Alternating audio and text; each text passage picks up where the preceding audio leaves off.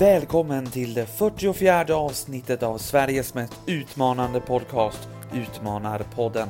Här pratar jag, Magnus Karlsson och ledarskapscoachen Ingmarie Rundvall om ledarskap, teambuilding, utmaningar och saker som gör att du kan få nya perspektiv på jobbet eller hemma. Om du gillar avsnittet får du jättegärna dela det så att fler får chansen att lyssna och det ger oss också spridning på podden så att vi kan fortsätta prata om utmaningar och bjuda in nya gäster. I detta nya avsnitt gästas vi av Marie Dacke som är professor och forskare i sinnesbiologi och hon berättar om hennes arbete, en forskares vardag, lagarbetet ute på fältet och inte minst utmaningarna inom forskarvärlden. Vi får reda på hennes drivkrafter, motstånd och utmaningar. Samtidigt som hon är i den introverta forskarvärlden så befinner hon sig ibland i det extroverta mediarummet och har bland annat spelat in över 100 program av Studio Natur. Hur handskas hon med dessa båda sidor? Ingmarie och jag har hur många frågor och funderingar som helst, så nu kör vi avsnitt 44.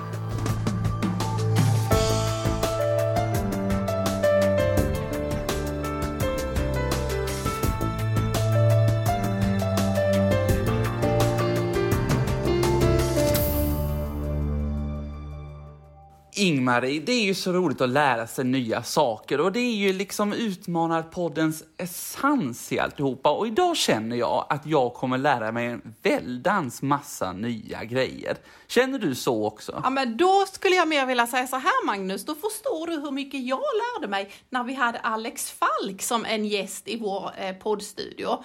Därför att där var vi verkligen inne på någonting där jag inte kunde så mycket alls, eller vill säga nästan ingenting. Så då förstår du vilka känslor jag hade då. Om artistbranschen och hur det är i den eh, branschen. Du var inte riktigt helt inne i den va? Nej, och idag ska vi ju snart välkomna en helt annan gäst. Jag känner ändå att jag kan lite, lite, men det beror ju på att jag har varit på något webbinar med henne. Det är en henne, det är en hon som kommer idag. Jag har fått läsa en del, jag har sett en hel del TV tillsammans, inte tillsammans med henne, men med henne. Så att här känner jag ändå att jag kan lite. Här är det nog faktiskt du Magnus som kommer att ställa många nyfikna frågor. ja, verkligen. Men då säger vi helt enkelt så här. Välkommen Marie Dacke! Tack så jättemycket! Hur känns det att vara med i en podd? Alltså det känns, ju, det känns ju jätteroligt. Det är sällan jag sitter med min dator och min fina fåtölj inne i min egen garderob för att få bästa ljud. Så att det här känns ju annorlunda och roligt tycker jag.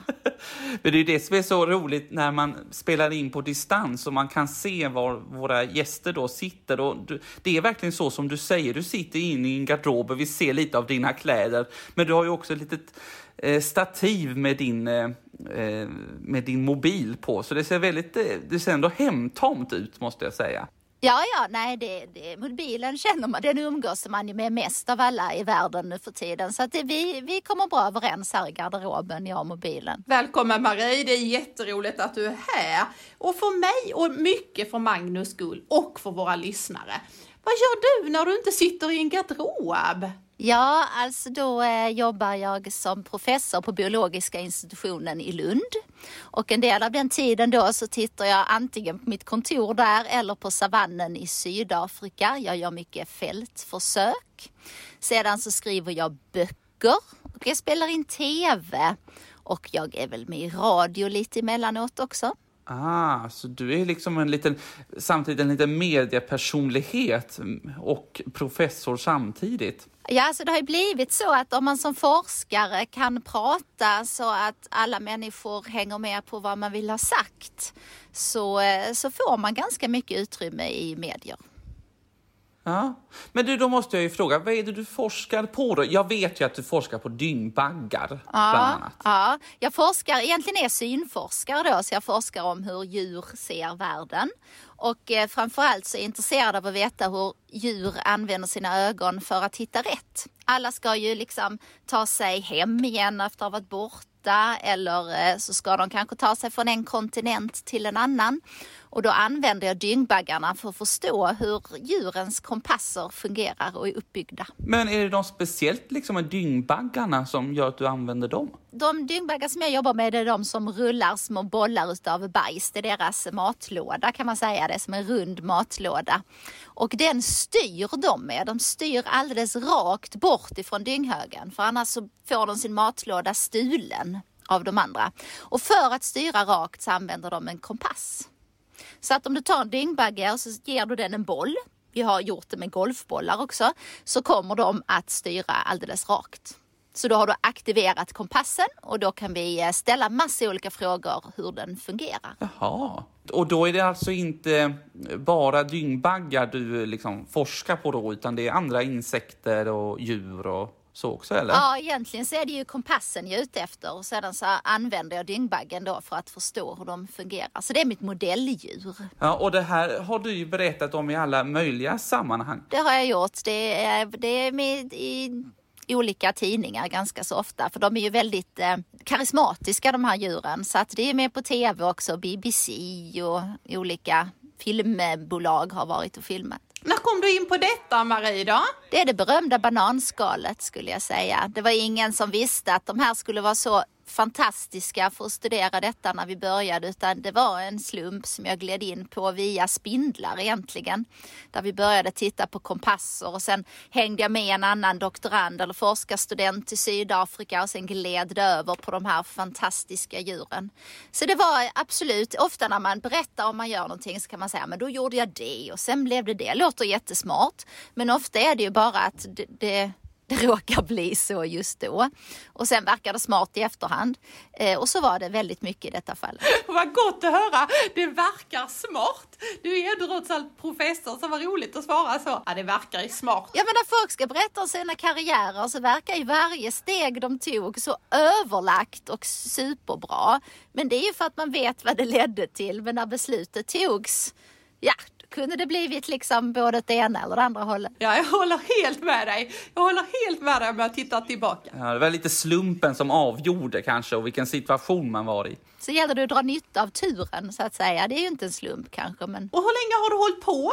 Först så förstår jag att du pluggade i Lund, eller vad pluggade du? Ja, jag pluggade i Lund och sedan så gjorde jag min forskarutbildning i Lund och sedan så bodde jag i Australien ett tag, sen tillbaks till Lund och sen har jag varit en liten runda i Sydafrika och sen tillbaks igen. Så att jag har alltså forskat om dyngbaggarna, det är så roligt när man säger det, men i 23 år. Forskning tar tid helt enkelt. Och är planen det framåt också eller? Alltså jag tänker alltid att nu ska jag göra någonting annat. Jag är inne liksom och jobbar lite med skorpioner och lite med humlor och lite olika så. Men sen plötsligt så levererar dyngbaggarna igen och öppnar upp en helt ny frågeställning. Så att det går i vågor och eh, jag tror jag är fast. Jag, tr jag tror att det blir så helt enkelt. Forskar du liksom själv eller är man ett team? Eller hur fungerar det när, när du är ute på fält till exempel? Alltså det är det som är det jätteroliga. Vi är ju ibland alltså 12 personer som åker dit och jag älskar ju liksom lagarbete och gruppdynamik och hur man bäst jobbar ihop och eh, hela den biten. Så att det är väldigt mycket ett lagarbete. Jättemycket ett lagarbete. Vi jobbar i princip dygnet runt. Så det gäller att folk lagar mat och väcker varandra och tar hand om varandra och lagar mat igen och kokar kaffe och gör försök. Och, alltså, nej, det är väldigt mycket ett lagarbete och det är nog det jag tycker är så väldigt, väldigt roligt med den här forskningen. Men är det forskare från olika platser i världen eller är alla ifrån Sverige eller hur ser det ut? Oh nej, det är väldigt internationellt. Min forskargrupp kommer från Italien, ur Turkiet, eh, Israel och Kanada och ja, över från många, många olika länder. Man vill ju ha diversitet. Det är ju eh, drivande för kreativitet så att eh, det vill man aktivt ha, lite av varje. Vad roligt att höra dig prata om liksom att det är teamwork och det är lagarbete och sånt. Det pratar vi mycket om i Utmanarpodden, eller hur Ingmarie? Ja, det är jätteroligt. Jag, jag misstänkte att du skulle vara stark på det, för du har ju en väldigt liksom, förmåga att uttrycka dig och få med dig. Till och med vi har ju börjat att förstå här snabbt vad det handlar om och sådär. Så det har du ju antagligen fått cred för hur många gånger som helst och då förstår jag att man vill jobba tillsammans med dig också, Marie. Ja, men att veta vad någon vill ha, det hjälper ju när man jobbar ihop. Då, nu har vi fått en liten bild och, och, nu är du väldigt ödmjuk och berättar om det, men vad är det du har varit i? Har du gjort 120 avsnitt i Studio Natur eller? Ja, det, dit blir det ja. Till midsommar så är det 120. Eh, har ju fått in hur många artiklar som helst i internationella eh, forum och alltihopa. Så om vi då tänker att du har hållit på med eh, forskning, först egna studier och sen en forskning och sen eh, tagit fullt ut hela professuren och alltihopa. Och så säger du så himla smart och ödmjukt att så är det Det var ju inte en plan riktigt från början och så blev det. Men om vi nu tar fram en backspegel och tittar tillbaka. Vad kan du se att du har haft för utmaningar längs vägen som du kan se, oj oj oj, där var någonting stort och där var det lite avgörande och där var det. Kan du se sådana? Ja, men det kan jag göra. Jag kan säga att en av mina drivkrafter är ju egentligen att jag ständigt tror att jag ska misslyckas. Så att man kan ju tycka så här, men jag klarar av att gå i skolan, det gick bra. Ja men gymnasiet, oh, okej okay, jag fixar det också. Men universitetet, då kommer de att komma på att jag inte är så himla smart alltså. Och sen så går det och sen ska man påbörja sin forskarutbildning och så tänker man nu, nu går det åt helvete. Nu har de liksom sett, eh, sett det här kommer inte att funka.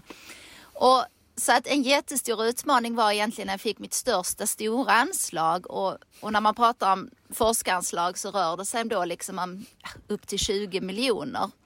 Och då så bestämde man då att man skulle ge, det var 12 miljoner då tror jag. Och så fick man så här, det här är framtidens forskningsledare.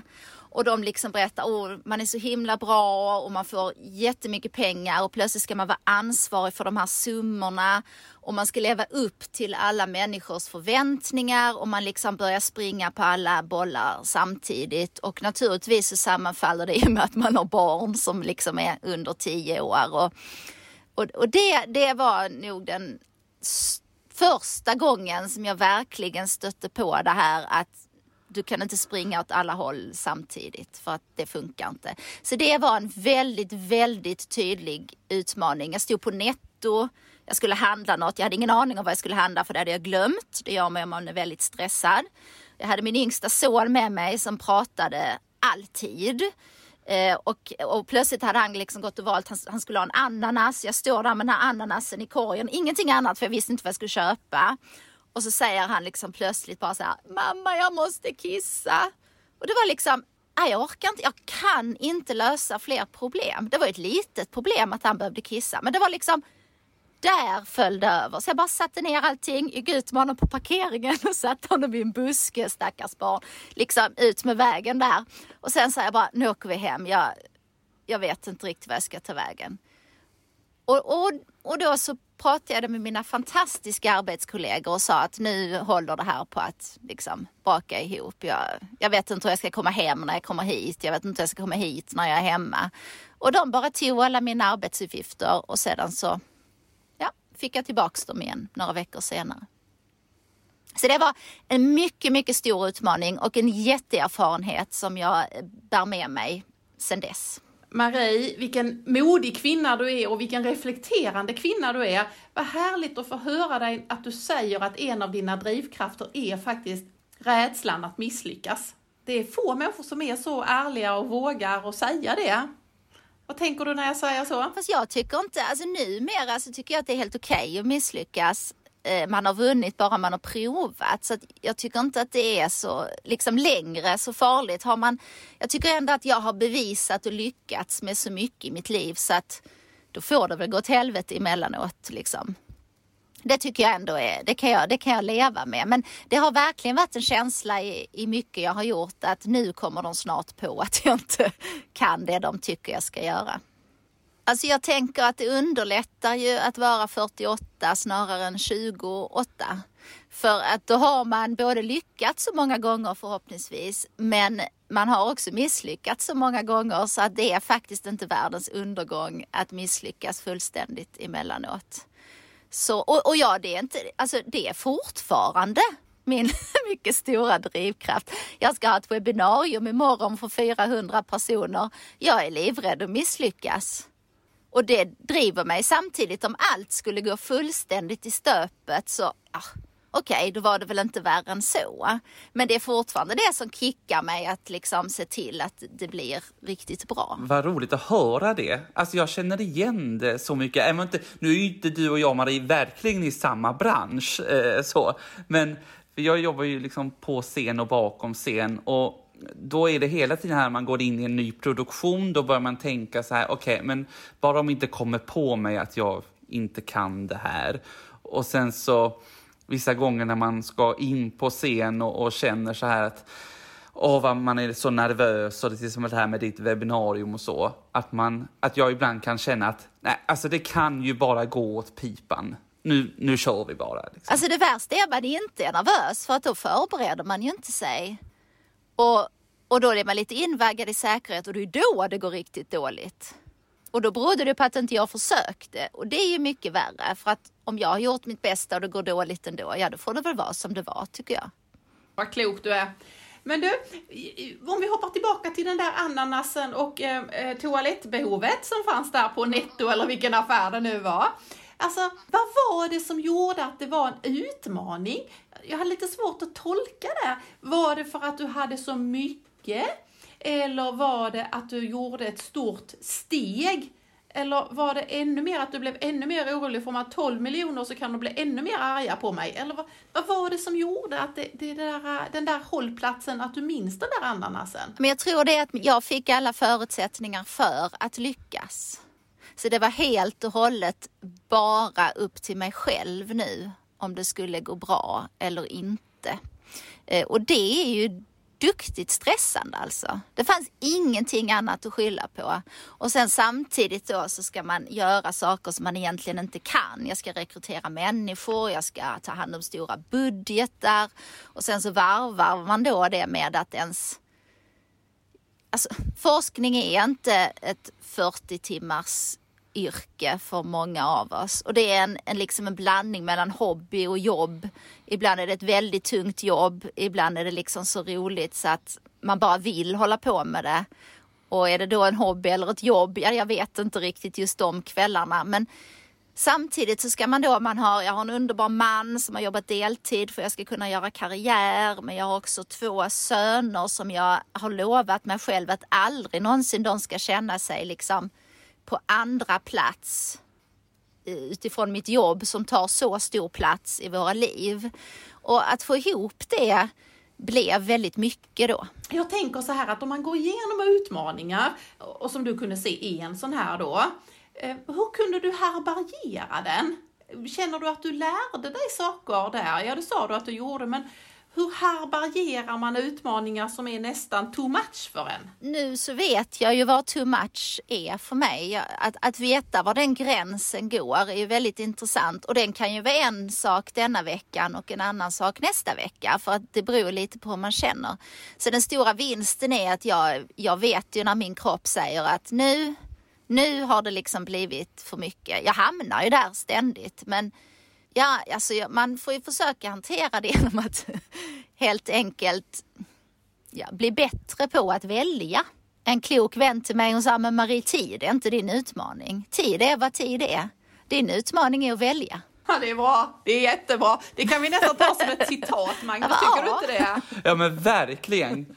Det, det, där får jag nästan klippa ur som en liten eh, spot on. Kan du se fler hållplatser med tanke på vad du har lyckats åstadkomma på 48 år plus familj och alltihopa? Har du mött några fler sådana där hållplatser? Som, de har inte varit så stora, det här var ju en jätte jättestor grej. Alltså jag, jag kan, detta är lite en helt annan sorts av utmaning men, men som verkligen också blev en liten utmaning som löstes på tre minuter för att det, det finns ju massa olika utmaningar. Eh, jag har också då drivit eh, eh, universitetets biologishow under tio år och det blev liksom en multimediashow och vi blev inbjudna att vara med på en vetenskapsfestival i Belgrad Jätteroligt. Plötsligt blev det här jättestort i en jättefin lokal. Och de hade liksom en del av föreställningen går ut på att man har, eh, att man har flygande flugor. Och vi frågade, har ni ordnat det här? Ja då. Har ni ordnat det här? Ja då. Och sen en, två timmar innan vi ska ha föreställningen så kommer de liksom in med en, en stor bur och bara springer därifrån. Då har vi fått då liksom flugpuppor det är väldigt dött och tråkigt och surrar inte överhuvudtaget. Och det är liksom, det är liksom de här utmaningarna man möter hela tiden. Det är liksom en, ett litet problem kanske att man har flugpuppor och inte flygande flugor. Men för showen var det ett jätteproblem. Men när man har haft tillräckligt många sådana här liksom små problem hela tiden för att att forska, och speciellt i fält, är att ständigt, ständigt lösa och komma på kreativa lösningar och sådär, vilket jag också tycker är väldigt roligt. Alltså det var ju bara till att springa iväg till djuraffären och sen så fick vi köpa liksom 20 syrsor istället och sen så fick vi liksom eh, bobba om lite sådär. Men sådana här utmaningar, det händer hela tiden. Och till sist så, ja, kan man bara, okej, okay. gick det dåligt. Vad härligt! Magnus, vad tänker du? Jag ser du bara sitter och skrattar här. Vi spelar in digitalt, men vi ser ju varandra. Ja, nej, men jag tycker så här, det som är eh, så roligt att höra, det är ju någonstans att jag kan känna igen mig i, eh, i dig, eh, vad du pratar om, Marie. Alltså det här att, nej men det här, okej, okay, det här gick ju bra. Okej, okay, då kör vi på här nu, för nu är vi liksom inne i flowet här och så ska man lösa massa problem. Alltså, det är väldigt inspirerande att höra samtidigt som du då har tänkt i, så här, du har ju ändå reflekterat över de här sakerna som du, hur du hanterar då de här problemlösningarna eller liksom pressen som du, som du kanske har på dig och sådär. Eh, så, så det, och sen så det är väldigt roliga historier. Jag ser ju här helt framför mig hur du springer då till den här affären och köper de här eh, syrsorna. Liksom. I fullt teatersmink kan jag berätta då. Med, med glitterstenar och liksom så här superuppsatt hår med blommor och grejer i. Så att det var, det var verkligen liksom en, en syn när jag kom in i den här affären. De trodde ju att jag var en sån här gothvariant, liksom en biologisk gothvariant. Ja. Men du, innan, innan, jag vet att Magnus har frågor om, om dina tankar om hur du fixar det här att vara så mycket ute. Men innan du får ta det Magnus, så har jag bara en fråga till. Har det varit någon utmaning nu är jag bara nyfiken Marie. Har det varit någon utmaning att vara eh, ung kvinna och professor inom en, eh, en vetenskap där jag förstår att ni är bara två professorer av taget liksom i detta? Jag kan säga så här att det finns saker som tar väldigt lång tid att förändra. Och där har jag också faktiskt använt mig av att jag tänker inte lägga energi på det. Så jag får jätteofta frågan liksom om, om det har varit, eh, du vet, hela tiden gör mig sådana undersökningar om jag känner att, liksom, att jag eh, eh, inte får vad jag ska och sådär. Och jag har haft lyxen att jag har verkligen varit omgärdad av fantastiska män och kvinnor som har framhävdat mig på alla sätt och vis. Och de gånger som man kanske kan välja att, att tänka att ja men det är nog för att jag är kvinna. Jag har aktivt aldrig valt att tänka det för att där lägger jag massa energi på någonting som är väldigt svårt att veta om det är det. Eh, så jag har istället försökt att agera så jämställt som möjligt själv. Och jag kan säga också att, att vara kvinna och utifrån sett då framgångsrik ger ju en otroligt många möjligheter för man vill ju också lyfta fram oss såklart som goda exempel. Så att det finns liksom, det finns två sidor av det här myntet och jag väljer att spegla mig i den blanka sidan av det myntet. Var det så här då när du väl började sen och, och forska kring detta? Var det som du kände så här, det här är ett kall för dig? Nej, det är det inte. Jag har sagt att jag fortsätter forska så länge jag tycker att det är roligt. För för mig är forskning en kreativ process. Hela tiden. Man måste tänka annorlunda, man måste tänka nytt, man måste förändra saker. Eh, och så kan jag bara agera så länge jag faktiskt tycker att det är roligt. Så jag skulle kunna sluta forska imorgon och göra någonting annat om jag hittar något som var lika utmanande och nervkittlande och eh, belönande som detta är. Så jag skulle inte säga att det är ett kall faktiskt. Det är otroligt stimulerande men jag skulle kunna göra mycket annat också. Men har du någon tanke på vad det skulle kunna vara? Det där andra? Ja, alltså jag tycker det är ju väldigt, väldigt roligt att spela in tv till exempel. Jag, jag tycker ju jag tycker ju om publik. Det får jag, det får jag ju erkänna då. Alltså jag, jag, liksom, jag får energi av publik. Jag, jag tycker att det är, är roligt. Eh, så någonting där jag fortfarande kan få applåder hade jag nog tyckt varit roligt. Det är väldigt lite applåder under hela det här året nu liksom. Så att, jag, så, så att, eh, Känner igen ja, det där ja. ja. Mm, ja. I min värld då, det här, om man är liksom professor och man forskar, det, det känns ju väldigt som en, liksom, en introvert eh, del. Då är man liksom en introvert person. Men med dig så tänker jag att du sitter ju också liksom i Studio Natur och spelar in program. Du är liksom gäst i flera Nyhetsmorgon och du gör radio och sådär. Alltså, eh, hur ser du själv på på de här delarna introvert och extrovert? Alltså jag kan säga det här med introvert och extrovert, det finns representerat precis hela spektrat även eh, där jag befinner mig. Jag har gjort personlighetstest som en del av min ledarskapsutbildning då och då hamnade jag mitt. Jag är varken extrovert eller introvert. Jag vet inte om jag är ambivert eller vad är jag då för någonting. Och de som var runt omkring mig sa nej, det har blivit fel på hennes test. Och så säger jag nej det tror jag inte och så får man liksom finjustera. Jag är verkligen mitt i. För min, det kostar mig energi att vara, att liksom att interagera med människor. Det kostar mig ganska så mycket energi. Så när jag verkligen ska lösa ett problem så gör jag inte det tillsammans med andra människor. Ett svårt problem löser jag i mig själv. Och jag jobbar också hemifrån en dag i veckan för att jag ska få vara i fred. Jag vet att jag har så himla mycket mer energi i slutet av veckan när jag får vara... Jag älskar att bli störd på jobbet. Det är, liksom, det är mitt jobb, det är då vi har diskussionerna. Men jag blir också väldigt trött av det. Så att eh, därför jobbar jag hemifrån en dag i veckan och är ganska strikt med det för att det är det sättet som jag eh, mår som bäst på och presterar som bäst på. Så jag har liksom eh, Dr Jekyll och Mr Hyde där. Jag har båda två som ibland bråkar med varandra men oftast kommer ganska väl överens. Ja, okej. Okay. Och när du då, när du har, så som du sa, det här liksom problemet som du löser bäst eh, själv, jag förstår inte med andra, liksom. Hur tar det sig uttryck? Hur gör du då liksom? Går du att prata med dig själv eller liksom går du att... ja, jag har tre saker som jag gör. Jag går ut och går med min hund. Han stör ju inte mig liksom. Det är skönt, då kan jag tänka. Jag duschar. Alltså det, det gör jag ju Det är inte så att jag går att duscha för att lösa problemet, utan jag duschar. Nej. Och då löser sig väldigt många problem. Jag har världens bästa liksom tankespace i duschen. Och det är inte bara jag, det vet jag fler också som tänker väldigt bra i duschen. Får jag avbryta det där? För jag har, alltså det är exakt samma sak för mig. Alltså när jag står i duschen, då kommer det så här, aha, det är så det ska bli. Det är så det ska, jag ska göra. Jätteintressant. Ja, Okej, okay. ja. nu avbröt det här, men nummer ja. tre. Mm. Och det tredje, jag sover. Jag har en superkraft i att kunna sova. Jag sover all, eller väldigt, väldigt sällan mindre än sju timmar. Då fungerar jag inte bra. Jag liksom, men jag somnar inom två minuter och sover till klockan ringer så det är lätt att ta hand om. Men om jag får ett jättestort problem, alltså, och nu menar jag liksom verkliga livsproblem som betyder någonting på riktigt. Då reagerar väldigt många med att de inte sover. Jag gör precis tvärtom. Jag kan gå och lägga mig och sova i 14 timmar.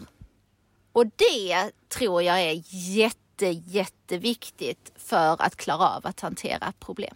Och då, jag gör in mig, förlåt Marie, men eftersom Magnus bekräftade din duschning så måste jag säga, jag bekräftar din sömn. Folk tror ju inte att jag sover eftersom jag är en väldigt aktiv person. Men jag gör precis likadant och jag sover efter två minuter och sen sover jag. Och sen väcker man mig. Mm. Eh, och vi har ju sagt lite skämtsamt i vår familj att vi har ju alla haft några barn som har varit vakna på nätterna. Det brukar tydligen barn vara. Det är bara att säga våra vänner nu då att det vet inte man, för min man och jag är båda två medvetslösa. Och ju mer vi har att ta itu med, desto mer sover vi. Ja, min man skulle säga det är Marie som är medvetslös, inte han.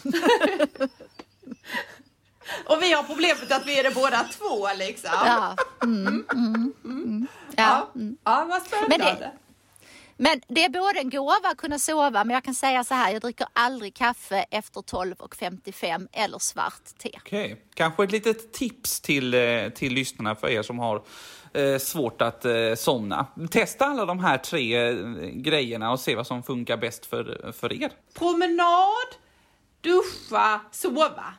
Ja, och ta hand om sin sovning. Folk säger jag är inte påverkad av koffein och sen så nästa gång säger jag sov så dåligt i natt. Man bara, ja. För du drack kaffe precis innan vi skildes åt liksom. Alltså Marie, eh, jag tycker att jag måste bara fråga en sak till. Och, och, det är så många frågor jag vill ställa till dig, men en fråga handlar ju om det här som jag läste i någon av de här reportagen, för det är precis som du säger, du är i många reportage, många tidningar, eh, och eh, då var det så att de bland annat nämnde ju det här att du hade fått något eh, så kallat IG Nobelpris, eller vunnit, och därför att du hade en förmåga att få människor till att skratta och därefter tänka efter. Nu vet jag inte om du vill prata om själva priset, men jag vill ändå, är det, är det någon sorts metod du har eller har det blivit så?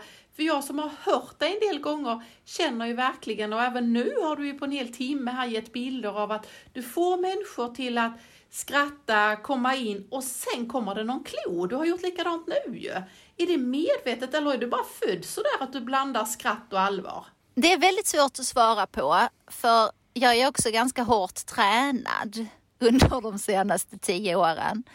Eh, men jag tror att en del av det kommer ganska naturligt. Alltså, det finns ofta någonting roligt även i det mest, i det mest sorgliga kan jag tycka. Så att det gäller ju att man umgås med rätt människor för annars framstår man ju som fruktansvärd emellanåt alltså. Men, men det finns... Känslokallt. ja. Men alltså jag tror att det är medfött och upptränat så att det är nog en blandning mellan båda. Ig Nobelpriset eh, det tilldelas ju till en för att de tyckte att det var väldigt roligt att vi satte kepsar på dyngbaggarna och sen så visade de planetarieföreställningar. Alltså det är ju roligt men det var en superseriös studie som är en av liksom, den tidskriftens mest citerade studier någonsin. Så, så jag gjorde inte det för att det var roligt överhuvudtaget. Men det, det, är ju kreativt och det är ju ofta ganska underhållande. Hattar på dyngbaggar, ja det är ju kreativt och faktiskt väldigt mycket svårare än vad man tror för de vill inte ha hatt. Så att det är ju liksom, det är en blandning av både och tror jag. Mm. Och, och, du har ju förstått att vi utmanar på den gör ju precis likadant, så jag kände så igen mig när jag läste det där citatet, just det här att jag vill med glimten i ögat få till någonting, men ändå rätt så djupt, att det finns ju någonting i det här även som vi skrattar åt. Och jag tror också, precis som du säger, det är förlösande att få lov att skratta. Det är inget negativt, det är tvärtom, det är jätteförlösande och därefter finns det en möjlighet att faktiskt reflektera. Vad har det egentligen för betydelse och sådär. Ja, det öppnar ju upp, tror jag, liksom andra tankebanor när man eh, bara ser det från en djupt seriös sida. Sitter du och tänker efter då, om vi tänker metoder då, tänker du att du ska, nu måste jag komma på vad är det roliga med just detta inför att du ska ha ett webbinarium imorgon, eller kommer det sig lite? Jag har ju precis läst din senaste bok eh, och där har du också blandat eh, det skämtsamma, det, det enkla, eh, det positiva med väldigt hård fakta. Ja, Ja, och där kan jag säga att de, de värsta, mörkaste skämten där, de är borttagna av min redaktör. Hon bara sa det här kan vi inte trycka Marie liksom. Så att jag, så att, eh, eh, det, jag absolut förmedlar fakta med sånt som folk finner underhållande eller sånt som de kan relatera till så att de kan skapa egna bilder i sitt huvud. För det är så det fastnar.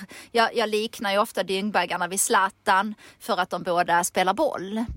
Eh, och då, då minns man den bilden och det är ändå ett av mina uppdrag att utbilda och jag vill att folk ska komma ihåg vad jag berättar för dem. Så det är ett väldigt medvetet grepp. Men det kan ju vara lite svårt om man, man måste nog ha lite fallenhet för det kanske för att det ska fungera. Men ja, det ska vara roligt i mina webbinarier också. Blandat då med eh, fakta. Ofta är mina egna misslyckanden det som folk tycker är roligast så att då får jag väl bjuda på dem då.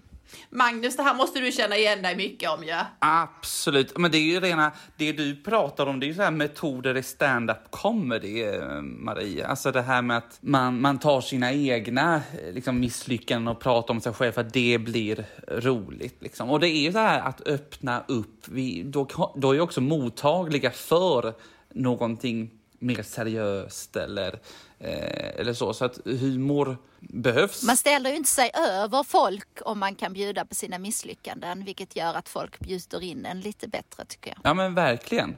Nu var inte jag med dig Marie. En gång till, ta det igen. Alltså annars kan man komma in och så står, står man liksom där och ska hålla ett föredrag och man är ändå ofta där i rollen som den som vet. Eh, och för att om man då liksom bjuder på det som verkligen går dåligt eller det som man inte kan till exempel. Så på något vis så, så tar man ner folks lite liksom förväntningar på att allt måste liksom, oh det här kommer vara svårt. Det här är trevligt. Det här är ingenting som ni, som ni behöver liksom sitta fastspända i stolen för att hänga med på. Lite som att hamna på samma nivå eftersom du kommer in där som hög status i det här för att du är experten. Eh, och vi andra som sitter där, vi är låg status, vi ska lyssna på dig och för att vi ska hamna på samma nivå och känna det här lugnet ändå, vi ska få en trevlig stund, så är ju verkligen humor någonting att ta, ta till där. Det borde fler, kanske också företagsledare, tänka på. Eh, men Ingmar, du har ju boken på, eh, hos dig, Taggad, för, Taggad att leva heter den, som handlar om igelkotten. Och den har du precis eh, gett ut. Och jag måste ju fråga då, Eh, om inte själva, liksom om själva boken, men Ingmarie, du har ju skrivit en bok. Ingmarie, du har skrivit flera böcker. Jag har också skrivit en bok. Vad var utmaningen i det, att, att skriva böcker? Ja, det är ju att inte misslyckas då ju, som vanligt. Men är det du själv som har liksom, eh, att det här vill jag skriva om? Nej, alltså det första blev jag tillfrågad om. Då skrev jag en bok som heter Trädgårdsdjur. Eh, och då var det min kollega som jag skrev den med, Lotta Skog, som blev tillfrågad om hon visste någon som kunde skriva den. Hon bara, ja det vet jag. Men då bestämde hon att hon också vill skriva den med mig. Så det, det var lite av ett beställningsjobb. Taggad att leva, det var helt och hållet mitt eget initiativ. Men jag skriver ju bara böcker som jag vill skriva. Allting annat vore ju totalt meningslöst tycker jag. Och säkert inte bra heller. Nej, man måste ju brinna för det man, man skriver, tänker jag.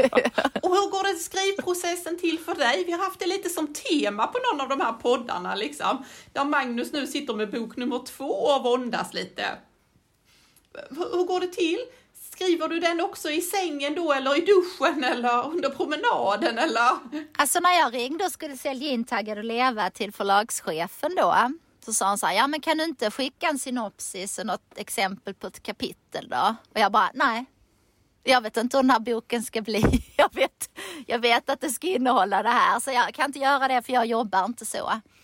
Utan jag bara börjar någonstans och sen så kör jag och sen så backar jag lite och sen så kör jag vidare. Och sen, alltså, det är otroligt oorganiserad, min skrivprocess. Den är ingenting man skulle, man skulle rekommendera till någon. Men då känner jag inte att jag är fast någonstans. Men jag är eh, disciplinerad dessutom. Det blir liksom klart i tid och sådär. Men jag tänker på den när jag duschar, jag tänker på den när jag sover, jag tänker på den när jag är ute och går med hunden. Och sedan så skriver jag tills jag har fått ur mig det. Och sen ja, sen släpper jag det ett tag och så. Alltså, så här ska man inte skriva böcker. Det är ingenting man ska rekommendera till någon. Men det är så det funkade i mitt huvud. Men hon sa, du får bara skriva om du lovar skriva om igelkottens kulturhistoria också. Och jag bara, okej, okay, det kan jag göra. Och det var verkligen en vinstlott. Det var, det var mycket, mycket bra råd. Och, och, rubriken är jag så himla imponerad av, Taggad att leva. Man kan ju tro att den är liksom gjord för Utmanarpodden och inte för igelkottarna. Var, fick du den ifrån? Ja, den kom till mig under en hundpromenad. Då var det taggad för att leva och sedan så gjorde förlaget om det till taggad att leva. Som ni vet så får man ju inte bestämma över vare sig titel eller omslag själv. Den processen äger helt och hållet förlaget. Men de vill ju inte göra en så himla upprörd så man får ju lov att ha någonting att säga om det. Men Taggad att leva funkade ju alldeles utmärkt också. Men det, den bara ploppade upp liksom. Jag tycker att den beskriver lite dig också. Att det skulle kunna nästan vara en, eh, en titel på eh, memoarerna sen.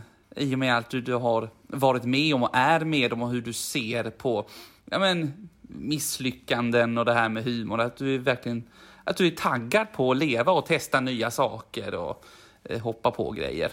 Men ibland är jag väldigt otaggad också kan jag säga.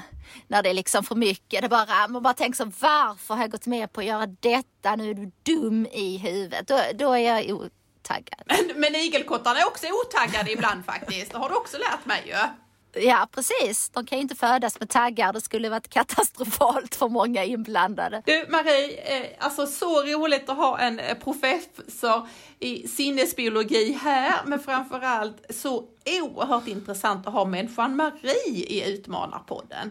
Vilka livserfarenheter som du har bjudit på, både en blandning av det du gör på jobbet men också privat. Och vi ska ta med oss allt ifrån koffeinet och allting. Men vi brukar ju kasta ut en liten eh, sån här eh, fråga. Är du beredd att ge oss någon utmaning? Mm -hmm, absolut. Tänker du den till Magnus, till mig eller till alla lyssnare eller till mänskligheten eller vad har du tänkt där då? Alltså det är en, jag tänkte jag jobbar smått så det är en utmaning till mänskligheten helt enkelt. Den här, den här utmaningen kan alla anta.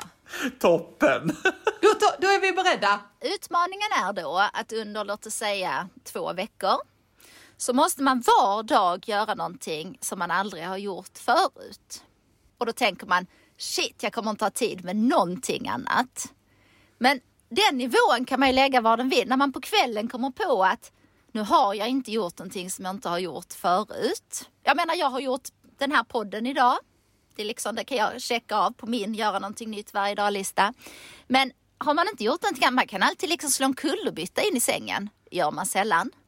Man kan borsta tänderna med vänsterhanden istället för högerhanden om man nu är höger. Alltså, det behöver inte vara så himla mycket. Man kan köra fel väg till jobbet en dag. Eh, man kan liksom ha på vindrutetorkarna hela vägen dit. Det har man ju inte om det inte regnar liksom. Sådär. Så att jag menar liksom inte att man behöver prova ett nytt yrke varje dag utan verkligen bara göra någonting som man inte normalt gör. Vindrutetorkarna på när det är solsken.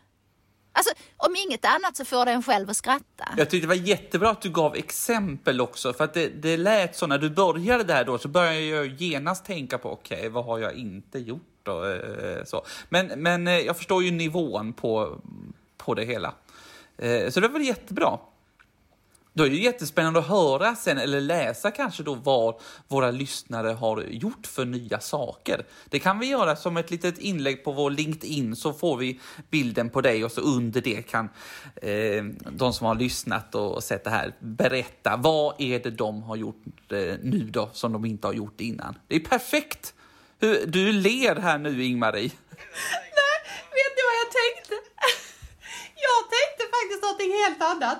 Jag tänkte så här, när efter detta avsnittet så kommer Mio möbelföretag att höra av sig till oss och tacka oss. För om alla människor skulle börja att slå kullerbyttor in i sin säng, det tycker jag varit jätteroligt alltså. Men det är inte alla sängar som håller för det. Det finns ju människor som har haft sina säng lite för länge och väger lite för mycket och är lite för lång. Det kommer bli en jätteaffär alltså. Alltså jag älskar den utmaningen. Jag ska genast börja med en kullerbytta in i sängen ikväll alltså. Mm. Tack Marie. Två veckor, jag lovar. Är du på den Magnus? Absolut. Eh, den är tagen den här utmaningen. Ingmarie som är en väldigt så hon är en sån målinriktad person nu så nu tänker hon nu måste jag, måste jag strukturera upp mina 14 utmaningar här varje dag liksom. Taggad och tagen. Jag frågade ju innan hur det känns att vara inför. Hur kändes det? Hur var upplevelsen tyckte du? Ja, men detta är ju lite av en sån här Napoleonbakelse för jag har ju vägrat spela in poddar också innan. Så nu bara så ja men nu kan man väl göra en tio till liksom. Nej, det ska jag ju inte göra. För jag ska ju inte hålla på så. Så jag tackar för den här bakelsen och säger att den var god. Vi kanske ja, någon, uh, hör dig i någon vetenskapspodd eller något sånt där inom kort som du har startat. Ja, just det. Tack så hemskt mycket Marie och fortsätt att vara taggad att leva och tack för att du gav oss utmaningar och bilder av dina utmaningar. Tack Marie! Ja, tack för att jag fick vara med.